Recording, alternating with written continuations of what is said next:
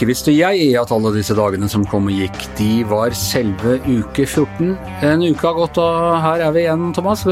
Godt å se deg. Du, i like måte. Hvordan, hvordan går det med deg? Du, det går ganske fint. Eh, Jeg føler jeg har gått over i en ny fase nå. Jeg har gått over til å begynne å bruke håndkrem. Ok, hvorfor har du begynt med det? Når man vasker hendene så ofte, så blir du så utrolig tørr. Får helt sånne røde knoker. Så nå må jeg bruke da fuktighetskrem for å eh, At ikke de skal bli til bark. Du, Det problemet har jeg også hatt, men det jeg syns er aller verst en ting er liksom å vaske det, og det er blitt litt sånn sprekker og, og sår og sånne ting. Men så uh, går jeg med sånn antibac i lomma.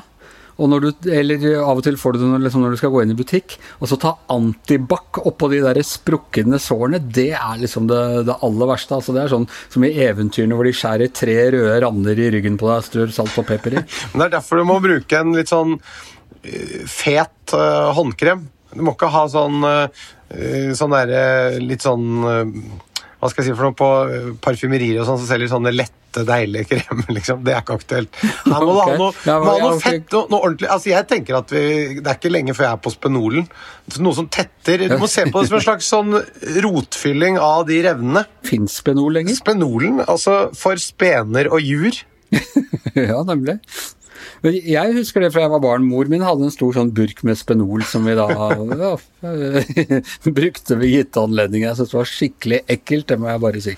Ja, men det er, det, Jeg tror det er det beste vi har akkurat i disse tider. Og nå handler det om å gå helt tilbake til eh, bakerste, sikreste kortet, og da tror jeg Spenolen er bra. Ja. Hvordan går det med deg, Anders? Jo, nei, jo, det, det går bra. Det er jo Du venner deg til dette livet her også. Jeg blir kanskje litt mer sånn arrig på Facebook og litt mer Jeg er jo vant til å gå på jobb og krangle mye med folk på jobben og sånne ting. Og kanskje jeg blir litt mer sånn øh, Jeg hadde en øh, sånn øh, her i tidlig i uka, eller på søndag var det vel, hvor, hvor hun som var hos Fredrik Skavlan, hun svenske Agnes Wold, som smitteekspert i Sverige, Ja. og hun sa, et, eh, hun sa et eller annet om at eh, vi skal være takksomme for at det bare er de gamle som dør, og, og hun hadde en eller annen sånn litt uheldig uttalelse, sikkert ikke så ille ment. Og som jeg la ut og jazza meg litt oppover, og blir det friske diskusjoner og sånne ting. Ja, men jeg, jeg, jeg så det. Er du på Facebook? Ja, vi er venner. Ok. Det har, ikke, det har ikke jeg helt fått med meg. Du, eh, du kunne kanskje gitt meg en liten like da, i kampens hete der mens jeg krangla med, med alle, alle på den saken der. Jeg, jeg liker ikke. Ok. Altså, Hvis du begynner å like, så eh, på en måte blir du med på den likegaleien, og da må du jo Da blir folk skuffa hvis du ikke liker det, hvorfor liket du det og ikke det og sånn. Da får du på en måte ett sett til med sånne sosiale regler i tillegg til det du har i det virkelige liv. Så det, det Jeg, jeg liker absolutt ingenting. Da er det ingen som blir støtt. Ingen nevnt, ingen glemt. Men det syns jeg nesten er litt creepy, Thomas. Du går usynlig rundt på Facebook og er liksom til stede. Sånn, jeg legger ut fra mitt privatliv og, og sånn, sånn til bare venner og sånne ting. Så går du rundt der som en sånn usynlig mann og kikker, men uh, gir deg ikke til kjenne. Jeg går stille og rolig, titter, nikker. Noen ganger blir jeg irritert, noen ganger får jeg lyst til å si noe, men så tenker jeg at dette prinsippet Like. Nei, ja, det òg. Jeg klarer å holde meg. Eh, Jeg som snakker mye med deg, vet jo at du er mildest talt temmelig engasjert i en god del av, de, av disse spørsmålene som ikke minst diskuteres på Facebook for tiden. Og at du da ikke går inn eller starter en eller annen debatt eller altså, Dette er jo et sted hvor du kan lufte alle de tingene du virkelig er, eh, virkelig er opptatt av. Jo, men er det ikke litt sånn i de Facebook-debattene at det det handler om, er å bare slå motparten i hodet med linker og eksperter? Ja, Og det er egentlig det, det, det man driver med. Du, du kan jo selvfølgelig Nei, ja, det, her er det noen statistikk som viser at Sverige gjør det riktig, og her er det som viser at Finland, eh, Finland eh, gjør det riktig. Det er, det er selvfølgelig alltid, alltid en eh, mulighet der, men det er jo også en mulighet til å liksom virkelig få meldt fra om hva du mener, da, i uh, Ja, utvetydige ordelag. Ja, men Det er jo ikke noe viktig hva jeg mener. Jeg syns det er artig å lese, og veldig mye handler jo om bare å tømme ut følelsene sine, er det ikke det? Jo. Men du, apropos det å ha folk som diskuterer ting som de ikke nødvendigvis har sånn kjempegreie på. Den VG-forsiden deres i går, altså på VG-nett På et tidspunkt da så var det to store saker om skolestengingen. Den ene var da NHO, som mente at nå måtte skolene åpne igjen. Og på den andre siden så var det da en uh, lærer, en skolelærer, som da mente at det var helt håpløst å åpne skolen, og da ville alt man hadde gjort til nå, bare være bortkastet. Og så bare lurte jeg på hvor Hvorfor spurte dere ikke noen som har peiling på saken om dette også? NHO har vel peiling, har til viss grad peiling på samfunnsøkonomi og, og, og hvordan samfunnet skal gå i. Du mener at dette hadde vært, eh, selvsagt vært via NHOs smittefaglige og medisinske avdeling? Her føler jeg at du er bare litt fornærma fordi vi har latt en eller annen Steinerskolelærer representere ditt syn, mens det liksom er en stor, tung samfunnsinstitusjon som har, har, sagt det motsatte. Jeg er helt med på at eh, NHO har kompetanse på økonomi men, eh, og på samfunnsøkonomi, for all del. Poenget er bare at det er et avgjørende spørsmål om hvorvidt dette betyr noe i forbindelse med å bryte smittekjeden eller ikke. Og det har de vel kanskje ikke sånn kjempekompetanse på. Vil jeg tro. Med mindre ikke NHO har da sin smittefaglige og medisinske avdeling. Det kan jo hende. Nå diskuterte jo vi smittefaglige spørsmål med du og jeg diskuterer det uten at vi har eh, all mulig formell kompetanse. Forrige gang hadde vi eh, Harald Magnus Andreassen, eh, samfunnsøkonom, med på podkasten, og vi diskuterte disse tingene. Så det, man kan jo være meningsberettiget selv om man ikke har medisinsk utdannelse dette her. Ja da, men uh, Harald Magnus Andreassen presiserte for øvrig at han ikke hadde det. Jeg skjønner. Men du Anders, jeg blir helt sånn umettelig på informasjon om det eh, viruset og den situasjonen.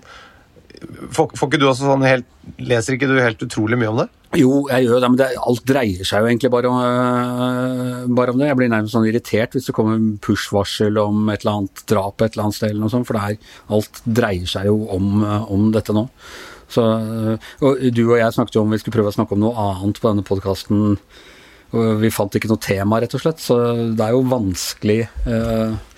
Det tar et par uker til før vi er helt inne i å kunne snakke om andre ting, tror jeg. Det som er at Hver gang jeg leser en artikkel, så får jeg masse oppfølgingsspørsmål. Så lurer jeg på ditt og datt. Hvem er det du spør når du lurer på ting. Jeg spør jo deg fordi du følger eh, rimelig godt med, men den som er min, eh, min største sånn go-to i disse spørsmålene, det er nok min kollega Astrid Mæland på leder- og kommentaravdelinga i VG. Hallo? Hei. Du, eh, som jeg sa deg, vi vil gjerne ha deg med, Thomas og jeg, i, um, i podkasten nå. Du vet at når jeg driver og plager deg med spørsmål om uh, koronavirus og smitte og uh, de forskjellige landene og hvordan de ordner det og sånne ting, så er det egentlig ikke alltid mine egne spørsmål, det må jeg innrømme. Det er Thomas som har stilt det? Da er det Thomas sender meg noen tekstmelding med noen spørsmål, og så later jeg som jeg må tenke litt, eller at jeg ikke har tid til å svare akkurat nå, så får jeg svar fra deg også. Så nå tenkte jeg at det var like greit å bare føre dere sammen, på en måte. Ja, det er jo veldig stor tillitserklæring da, Anders, at Thomas drev og sendte spørsmål til deg. Og det er jo Ja. Og jeg føler at jeg, det er litt sånn Trollmannen i Os når du får se bak det forhenget at eh, Trollmannen bare er en eh, vanlig mann. Jeg har altså ikke disse smarte spørsmålene, de kommer jeg ikke eh, med sjøl.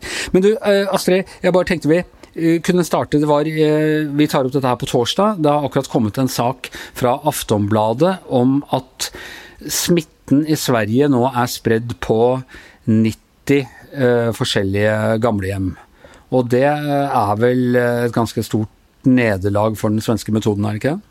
Det må jo være forferdelig dårlig nytt, for det er jo akkurat dem i risikogruppen som eh, ikke skal få det, som nå får det i Sverige. og Det er jo helt forferdelig. Utviklinga i Italia har jo vært så dårlig, for det nettopp eh, angrep helsevesenet først. Ikke akkurat gamlehjem, men at eh, leger hjelpepleiere og sykepleiere fikk. Det har jo vært forklaringa på at det har gått så dårlig i Italia. De skjønte ikke før lenge etterpå at det var korona som ramma der. Og Det kan jo se ut som Sverige er litt uh, Nordens Italia i en dårlig forstand akkurat nå. Betyr det at, uh, at det som har skjedd der nå, plutselig får en veldig mye større belastning på helsevesenet enn hvis man hadde hatt da litt uh, jevnere fordelt i befolkningen? da? Ja, Tenk hvis at du får en vanlig sykdom nå, da i Sverige. Det er jo ikke bare dem som er ramma av korona og covid-19 som sliter, men det er jo òg dem som får hjerteinfarkt eller eh, vanlig lungebetennelse eller eh, andre sykdommer, som eh, sikkert får problemer med å få behandling fordi at helsevesenet er så overbelasta. Nå er jo en ting som har skjedd en god del, er at de aller Dette høres brutalt ut, men at de aller eldste de dør jo utafor sykehus, da. Eh, sånn at det ikke faktisk belaster sykehusene så mye, fordi at de er for syke til å få respiratorbehandling og intubering. Men hvor, hvor uenige er egentlig norske og svenske helsemyndigheter? Jeg får liksom litt inntrykk av at dette er noe de norske helsemyndighetene egentlig ville, eller de, de, drar litt i den retningen de også, men så er det politikerne som har gått inn og bestemt at vi skal gjøre det på den måten vi gjør? Ja, det tror jeg du er rett i, Anders. De har jo signalisert det ganske tydelig, Folkehelseinstituttet i Norge òg, at de syns at grensestenging er dumt. Det har jo han Anders Tegnell, som er sjefskjemperen mot korona i Sverige, latterliggjort tidligere òg. Og det med skolestenging har jo òg folkehelsemyndighetene i Norge vært litt eh, skeptisk til, sammen med barnehagestenging. Og i Sverige så er jo de to institusjonene fortsatt åpne for alle barn. Er det sånn at det egentlig ikke er så veldig stor forskjell da, på det som Folkehelseinstituttet i Norge Eh, ønsker å gjøre, og det som helsemyndighetene i Sverige gjør. Det er bare at vi har en annen modell der det er regjeringen som tar den endelige beslutningen i Norge. Jeg tror at eh, presset på politikerne i Norge ble for sterkt. da. 12. Eh, mars, når folk har begynt å tatt ut barna av skole sjøl, og når det, Facebook var full av folk som protesterte mot regjeringa, og nå må vi ta grep osv., da tror jeg at det ville vært politisk umulig i Norge å ikke stengt ned skoler og barnehager. Og Vi fulgte etter Danmark. Jeg tror Danmark de var jo dagen før oss. Jeg tror Danmark har vært på en måte forbildet til Norge her på mange måter. På fagfeltet her så er mitt inntrykk at eh, sånn som Camilla Stoltenberg for eksempel, sier jo veldig ofte at det er veldig mye de ikke vet, og at uh, er veldig åpen på at det er veldig stor faglig usikkerhet. De har de tror ting, og, og sånn, men, men, de er veldig åpne på at de ikke vet. Er det ikke da litt skummelt å la noen fagpersoner som på en måte ikke helt skal stilles til ansvar utover i forhold til sitt eget fag, og ta de beslutningene? At den norske modellen I hvert fall syns jeg det er tillitsvekkende at det er noe, at du kan få innspill fra et sånt miljø, og så er det noen andre som må ta den beslutningen, som må stilles til ansvar. Ja, enig i det. Det sier jo Camilla Stoltenberg og Folkehelseinstituttet. og De prøver jo å glatte over all mulig uenighet som måtte ha vært mellom dem og Helsedirektoratet og regjeringa, og si at det er en politisk beslutning. og Det er jo det i Norge, da. Det er jo sant, det. Men i Sverige så har jeg fått forståelse av at det er sånn på alle områder. Det er liksom fagfolk som bestemmer veiutbygging og innvandring, og, og at de institusjonene, hvis det har gått galt, så har de institusjonene Eh, fått eh, dårligere, lavere tillit til befolkninga. Bl.a. Migrasjonsverket her på radioen i dag etter den store flyktningbølga ble ramma i Sverige fordi at de tok ut så mange flyktninger. Eh, er dette også en sånn greie som er knyttet litt til innvandring og, og den måten det svenske samfunnet er delt inn på? Altså det, det, ble sagt i hvert fall i begynnelsen at det var veldig mye somaliere som ble rammet av koronaviruset. Og at det er litt det der Og man ser jo når man går i, i Stockholm og sånne ting, at det er mer delt i Sverige. Du innvandringen er mindre synlig i enkelte områder enn i andre. Og er dette litt delte eh, Sverige som på en måte eh, rammes nå? Er det noe tall på det? eller noe sånt? Jeg har jo lest eh, kommentatorer i Sverige som selvfornøyd eh, har skrytt av den eh, svenske måten å gjøre det på. Det er fordi at de, eh, argument argumentasjonen der er at i Sverige så følger vi reglene og vi hører på råd. Vi trenger ikke noe straffelov her for å bli kvitt koronaen. Vi gjør som myndighetene sier. Men det er jo noe så typisk eh, øvre middelklasse i Stockholm, kan si. Når problemet er at eh, det her ikke har gått inn hos eh, innvandrertette bydeler som Rinkeby for at det ikke har vært informasjon på riktig språk og sånn, så har man jo mislykkes til dels, da.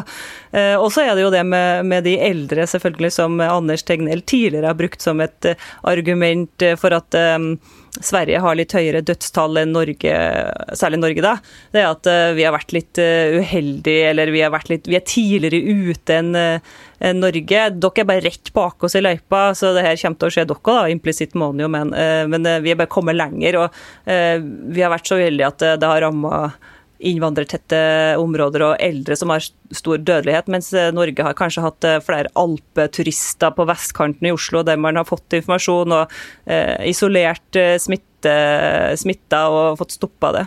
Men Betyr det at hvis man har da såpass mange ulike språk og ulike grupperinger i befolkningen, hvordan skal du liksom da gå rundt og håndheve lover når du ikke får kommunisert dem engang? Det er jo politiet rett og slett som skal gjøre det. Det er jo, I Norge så er det jo straffbart eh, å bryte en hel del av disse lovene. Nå spørs det om politiet kommer til å prioritere det. da. Jeg vet ikke om det har vært noe forskjell, egentlig. Det er jo et godt poeng, Thomas. Det er ikke sikkert det har vært noe forskjell om, om Sverige hadde innført lov, forskrift og lov mot det her, enn å gjøre det liksom, frivillig, sånn som de gjør det nå. da. Men jeg tror det er noe med at de signaliserer jo alvor i situasjonen. Når skolene blir stengt og grensene blir stengt, så er det ikke sikkert at det er de mest effektive tiltakene tiltakene per se, men altså, eh, eh, myndighetene sier jo at det er noe som er kjempealvorlig, og da begynner vi å bli litt mer redde òg, sånn som vi har blitt i Norge. Snakka med folk i Stockholm som bare jeg skal på byen i helga, i hvert fall forrige helg var det sånn, og er mest, mest eh, redd for økonomien. Og det er jo noe med at myndighetene har sagt at det her er sånn passe alvorlig, bare, da. Men det, det, jeg tenker på som virkelig hadde skremt meg i Sverige En ting er liksom at det finnes forskjellige metoder. Når jeg hører på det svenskene legger ut, så høres det fornuftig ut. Ja, at du får liksom du får spredd immuniteten tidligere, eller whatever. Men det er det eneste landet nå i Europa. Altså, England snudde. Dødstallene stiger. Eh, du skal ha voldsom tiltro til eh, at helsemyndighetene gjør det riktig i den situasjonen de er nå, for å bevare roen. Ja, Så ser du jo enkelte døgn der det er flere dødsfall i Sverige enn det er totalt sett i Norge. Og Det går jo inn på folk. Men eh, fortsatt så er jo den svenske befolkninga eh, stiller seg bak eh, statsminister Stefan Löfven, og de, han har gått opp på meningsmålingene. Og han Anders Tegnell har jo av noen blitt karakterisert nærmest som en helt. og Det er nesten mer på utsida av Sverige kritikken kommer, og ikke så mye i Sverige, selv om det begynner å bli litt mer der òg. Ser Dagens Nyheter bl.a. har vært kritisk på lederplass og kommentarplass mot eh, Anders Tegnell og folkehelsemyndighetene der. Men så kan du jo se litt på Danmark, da. Det er jo interessant. De har jo stengt ned landet sitt eh, akkurat sånn som Norge, og var tidligere ute enn oss. De har ikke så mange flere eh, Det er ikke så stor forskjell på dødstallene der. Det er kanskje litt tidlig å si, da, men hvis du justerer for befolkning, så, så tror jeg de har Er det 128 dødsfall i dag, da? De skulle hatt 105 95 kanskje, eller noe sånt, hvis at de har vært i Sverige. Så det er ikke så kjempestor forskjell. Den store forskjellen er jo mellom Norge og Sverige.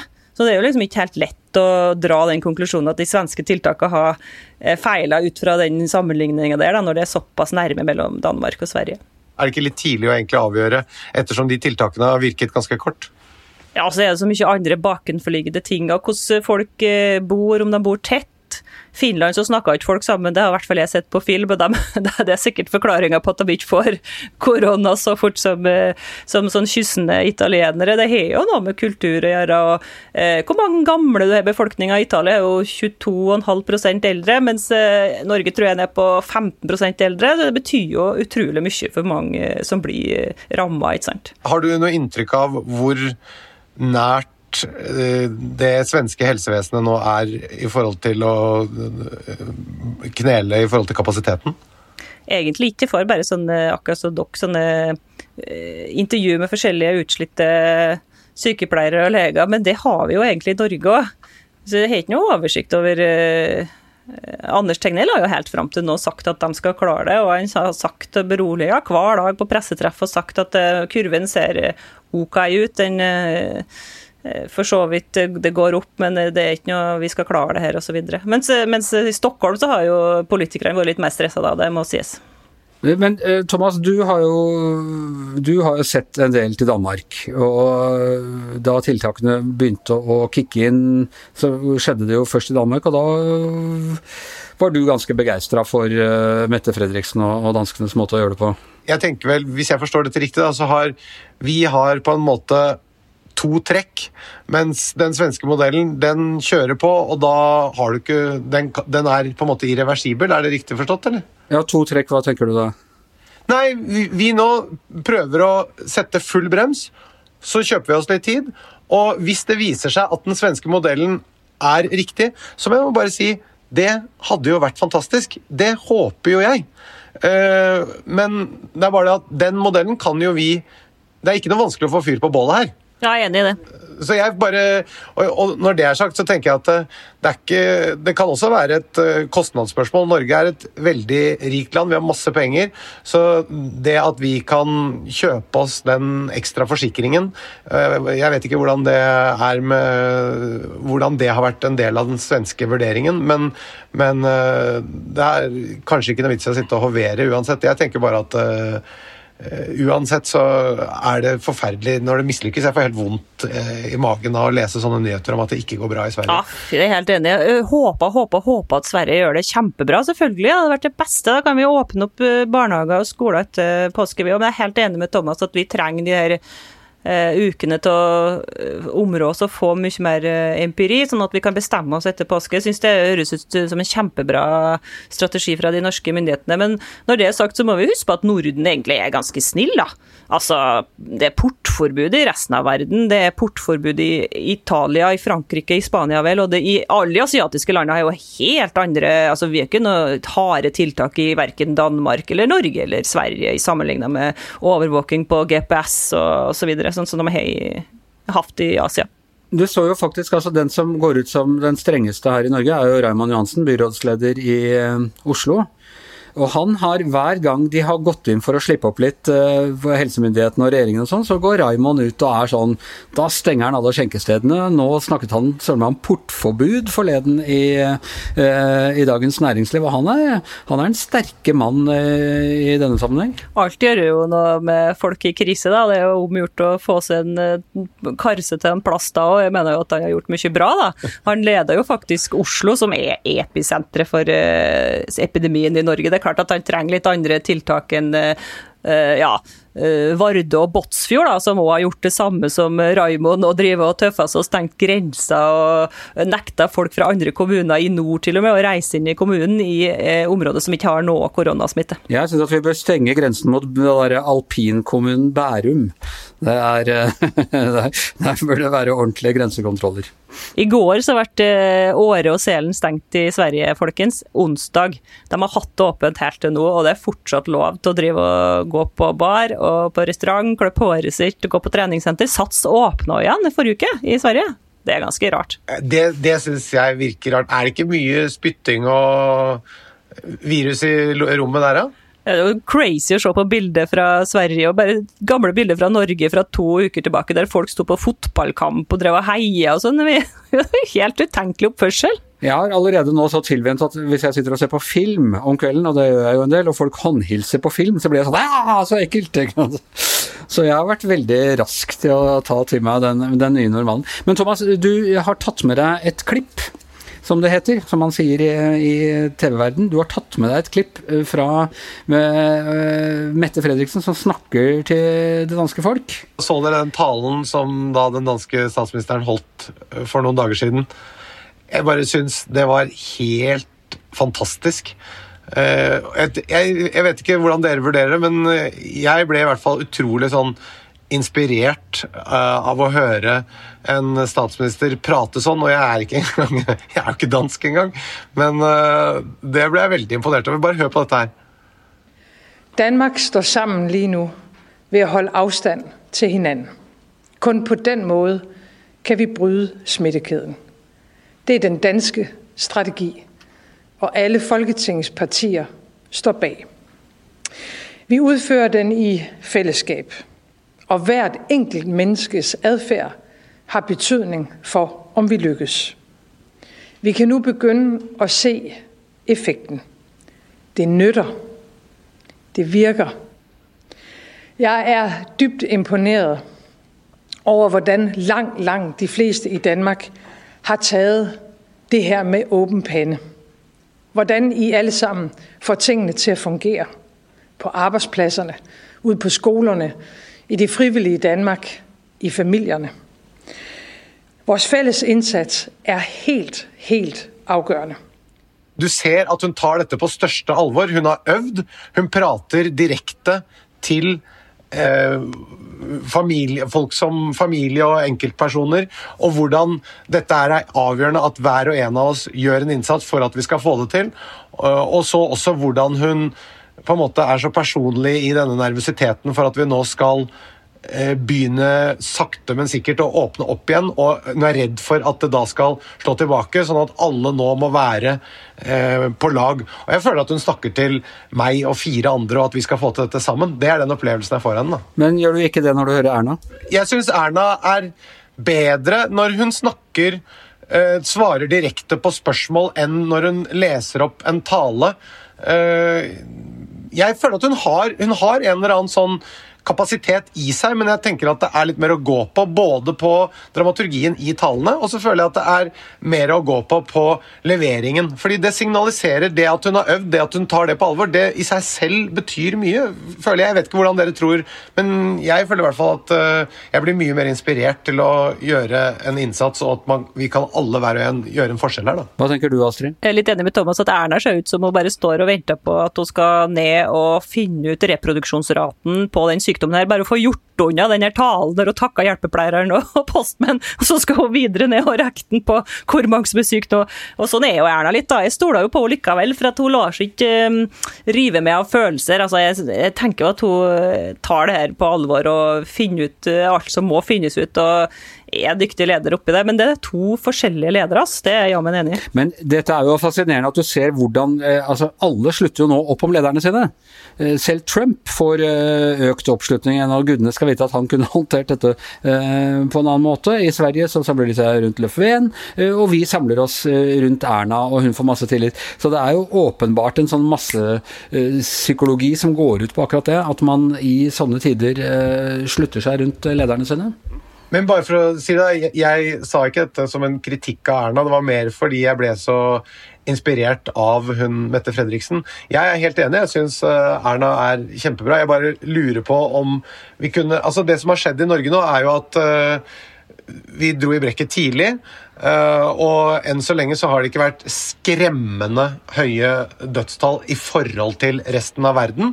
Og så har etter hvert da ganske mange andre stemmer begynt å bli frustrert, og det er et ganske sånn i ferd med å bli et ganske sånn uh, Hva skal vi si for noe? Det er trykk i debattklimaet om skolestengingen.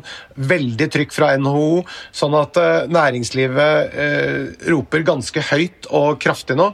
Og det er da jeg lurer på om en sånn tale kunne roet ned gemyttene litt, for jeg syns hun var så flink til å inkludere alle og ta alles perspektiv. Alle følte seg sett, alle følte seg hørt. Og jeg er helt sikker på at Erna har alle inkludert. Jeg er overhodet ikke i tvil om at Erna har selvfølgelig full kontroll, eller full eh, Ikke kontroll, men full eh, intensjon om å eh, redde økonomien. Det kan man ikke tro noe annet. Men poenget mitt er bare at jeg tror at den talen Mette Fredriksen holder, da føler alle seg inkludert, og at debattklimaet kunne kanskje blitt litt eh, roligere eh, hvis Erna hadde lagt inn et lite ekstra støt på den frekvensen. Det er bare min hypotese, jeg vet ikke hva dere tror.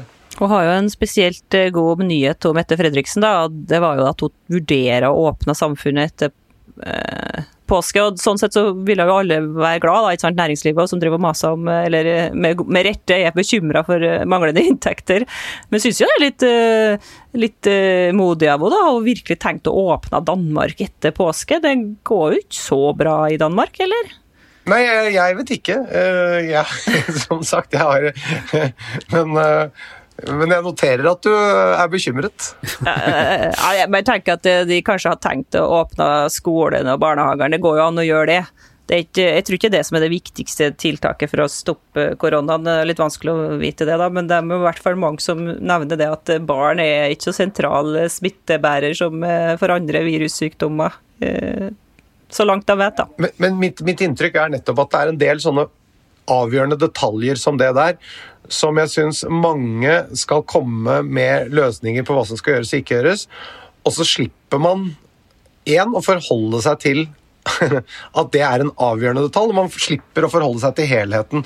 Mens regjeringen i Norge de sitter med hele ansvaret og må forholde seg til alle de komplekse problemstillingene på alle feltene. Og det tenker jeg at eh, i hvert fall jeg har da større tillit til de enn til de som argumenterer bare ut ifra ett felt og én dimensjon, for det er selvfølgelig mye lettere å komme til et uh, svar. Uh, Astrid, hva tenker du fremover? Jeg skal ikke be deg spå, men uh, kanskje tenke litt høyt. Altså, det skal tas noen viktige avgjørelser i påsken her i Norge òg, uh, på hvorvidt det skal åpne. Tror du Tror du skolene åpner eh, etter påske? Åpner, eh, begynner de å fase inn arbeidsplassen igjen og sånn nå etter påske? Det spør du meg om, Anders, som drev på og spådde om Trump skulle bli president eller ikke. Dette Jeg, nei, det vil jeg gjerne ha protokollført. Det spådde jeg aldri om i det hele tatt. Jeg visste du kom til å si det. Holdt jeg klokelig kjeft om. I know.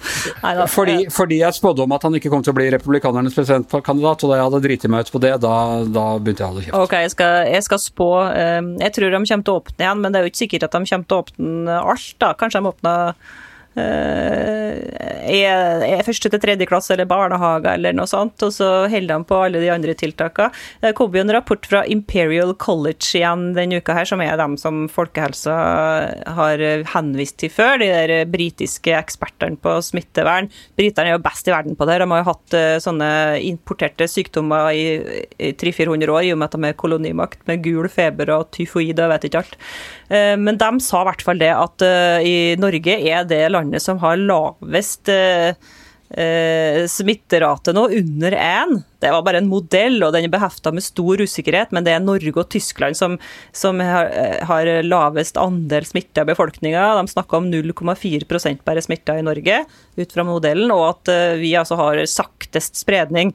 Um, og Det høres jo kjempebra ut, for da har jo tiltakene virka. Men så er jo spørsmålet Vi må jo begynne å levele det her, sånn at vi får, um, får litt smitte ut i befolkninga. Sånn at vi får moro opp mot maksen som helsevesenet kan uh, håndtere til enhver tid. Så da tipper jeg at de uh, åpner igjen etter påske. Men det er bare en vill tipp, altså.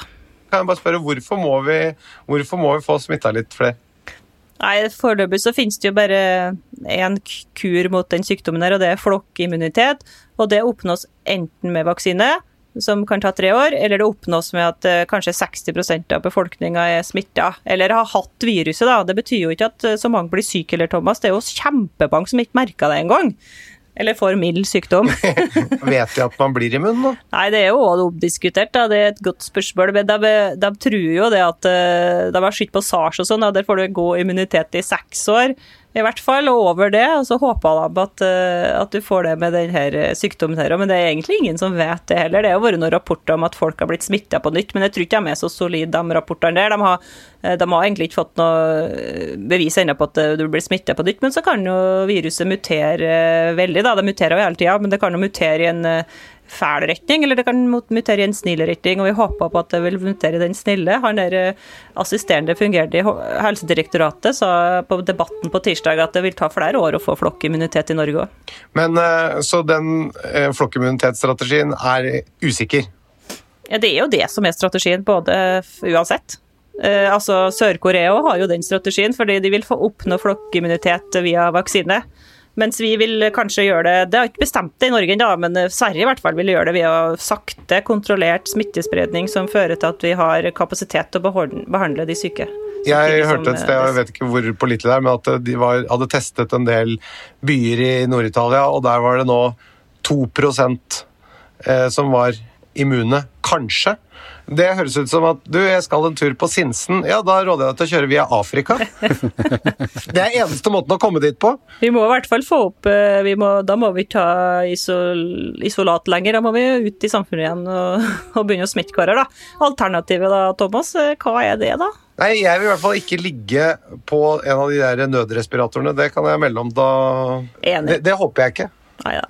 Vi får håpe du slipper det, for sikkerhets skyld så, så, tar vi faktisk fri eh, neste uke her i eh, Ertsen, Da, da, blir det ingen eh, podkast. Men om to uker, Thomas, for å la deg spå litt, tror du vi sitter i samme studio igjen da? Om vi sitter i samme studio? Om to uker? Nei, det skal vi ikke, Anders. Vi, jeg, Kanskje vi har fått flokkimmunitet og kan, kan, Jeg går ikke inn i en sånn trang, lite, trangt lite studio. Det må jeg bare si, har ikke dere reagert på at han helseministeren Bent Høie stadig vekk er i Dagsnytt 18. Det må jo være det rommet i Norge med mest spytt i. Det er jo så mye debatt ja, og ikke minst når han, han tilhører jo den, antagelig den demografiske gruppa, nemlig regjeringsapparatet i Norge, hvor det er mest smitte òg, og de frekventerer hele tiden det studioet. Så, så, det er eh, Men sånn har de egentlig holdt på hele tida der. Det er koronaeliten der, vet du. De, de satser på å bli den nye herskeklassen, de som har hatt korona, som skal ta over landet når de er med immun. Det er flokkimmunitet i regjeringsapparatet som gjør at de kan uh, Så det blir ikke noe flere nye valg eller noe som helst. De bare tar inn Putin og setter seg inn på, på livstid. Nei, vi gjør, vi gjør dette på sivilisert maner. Vi diskuterer uten å gøgge på hverandre. Ja. Da gjør vi nok det om 14 dager også, men da er vi i hvert fall tilbake. Vi er over for denne gangen uh, i hvert sitt hjemmestudio. Thomas Giertsen, Astrid Mæland og Anders Giæver. Og mannen som ikke bare har loset oss frem hit, men som har ansvaret for gjenoppbyggingen av podkasten etter påske, vår produsent Magne Antonsen. Ha det riktig bra.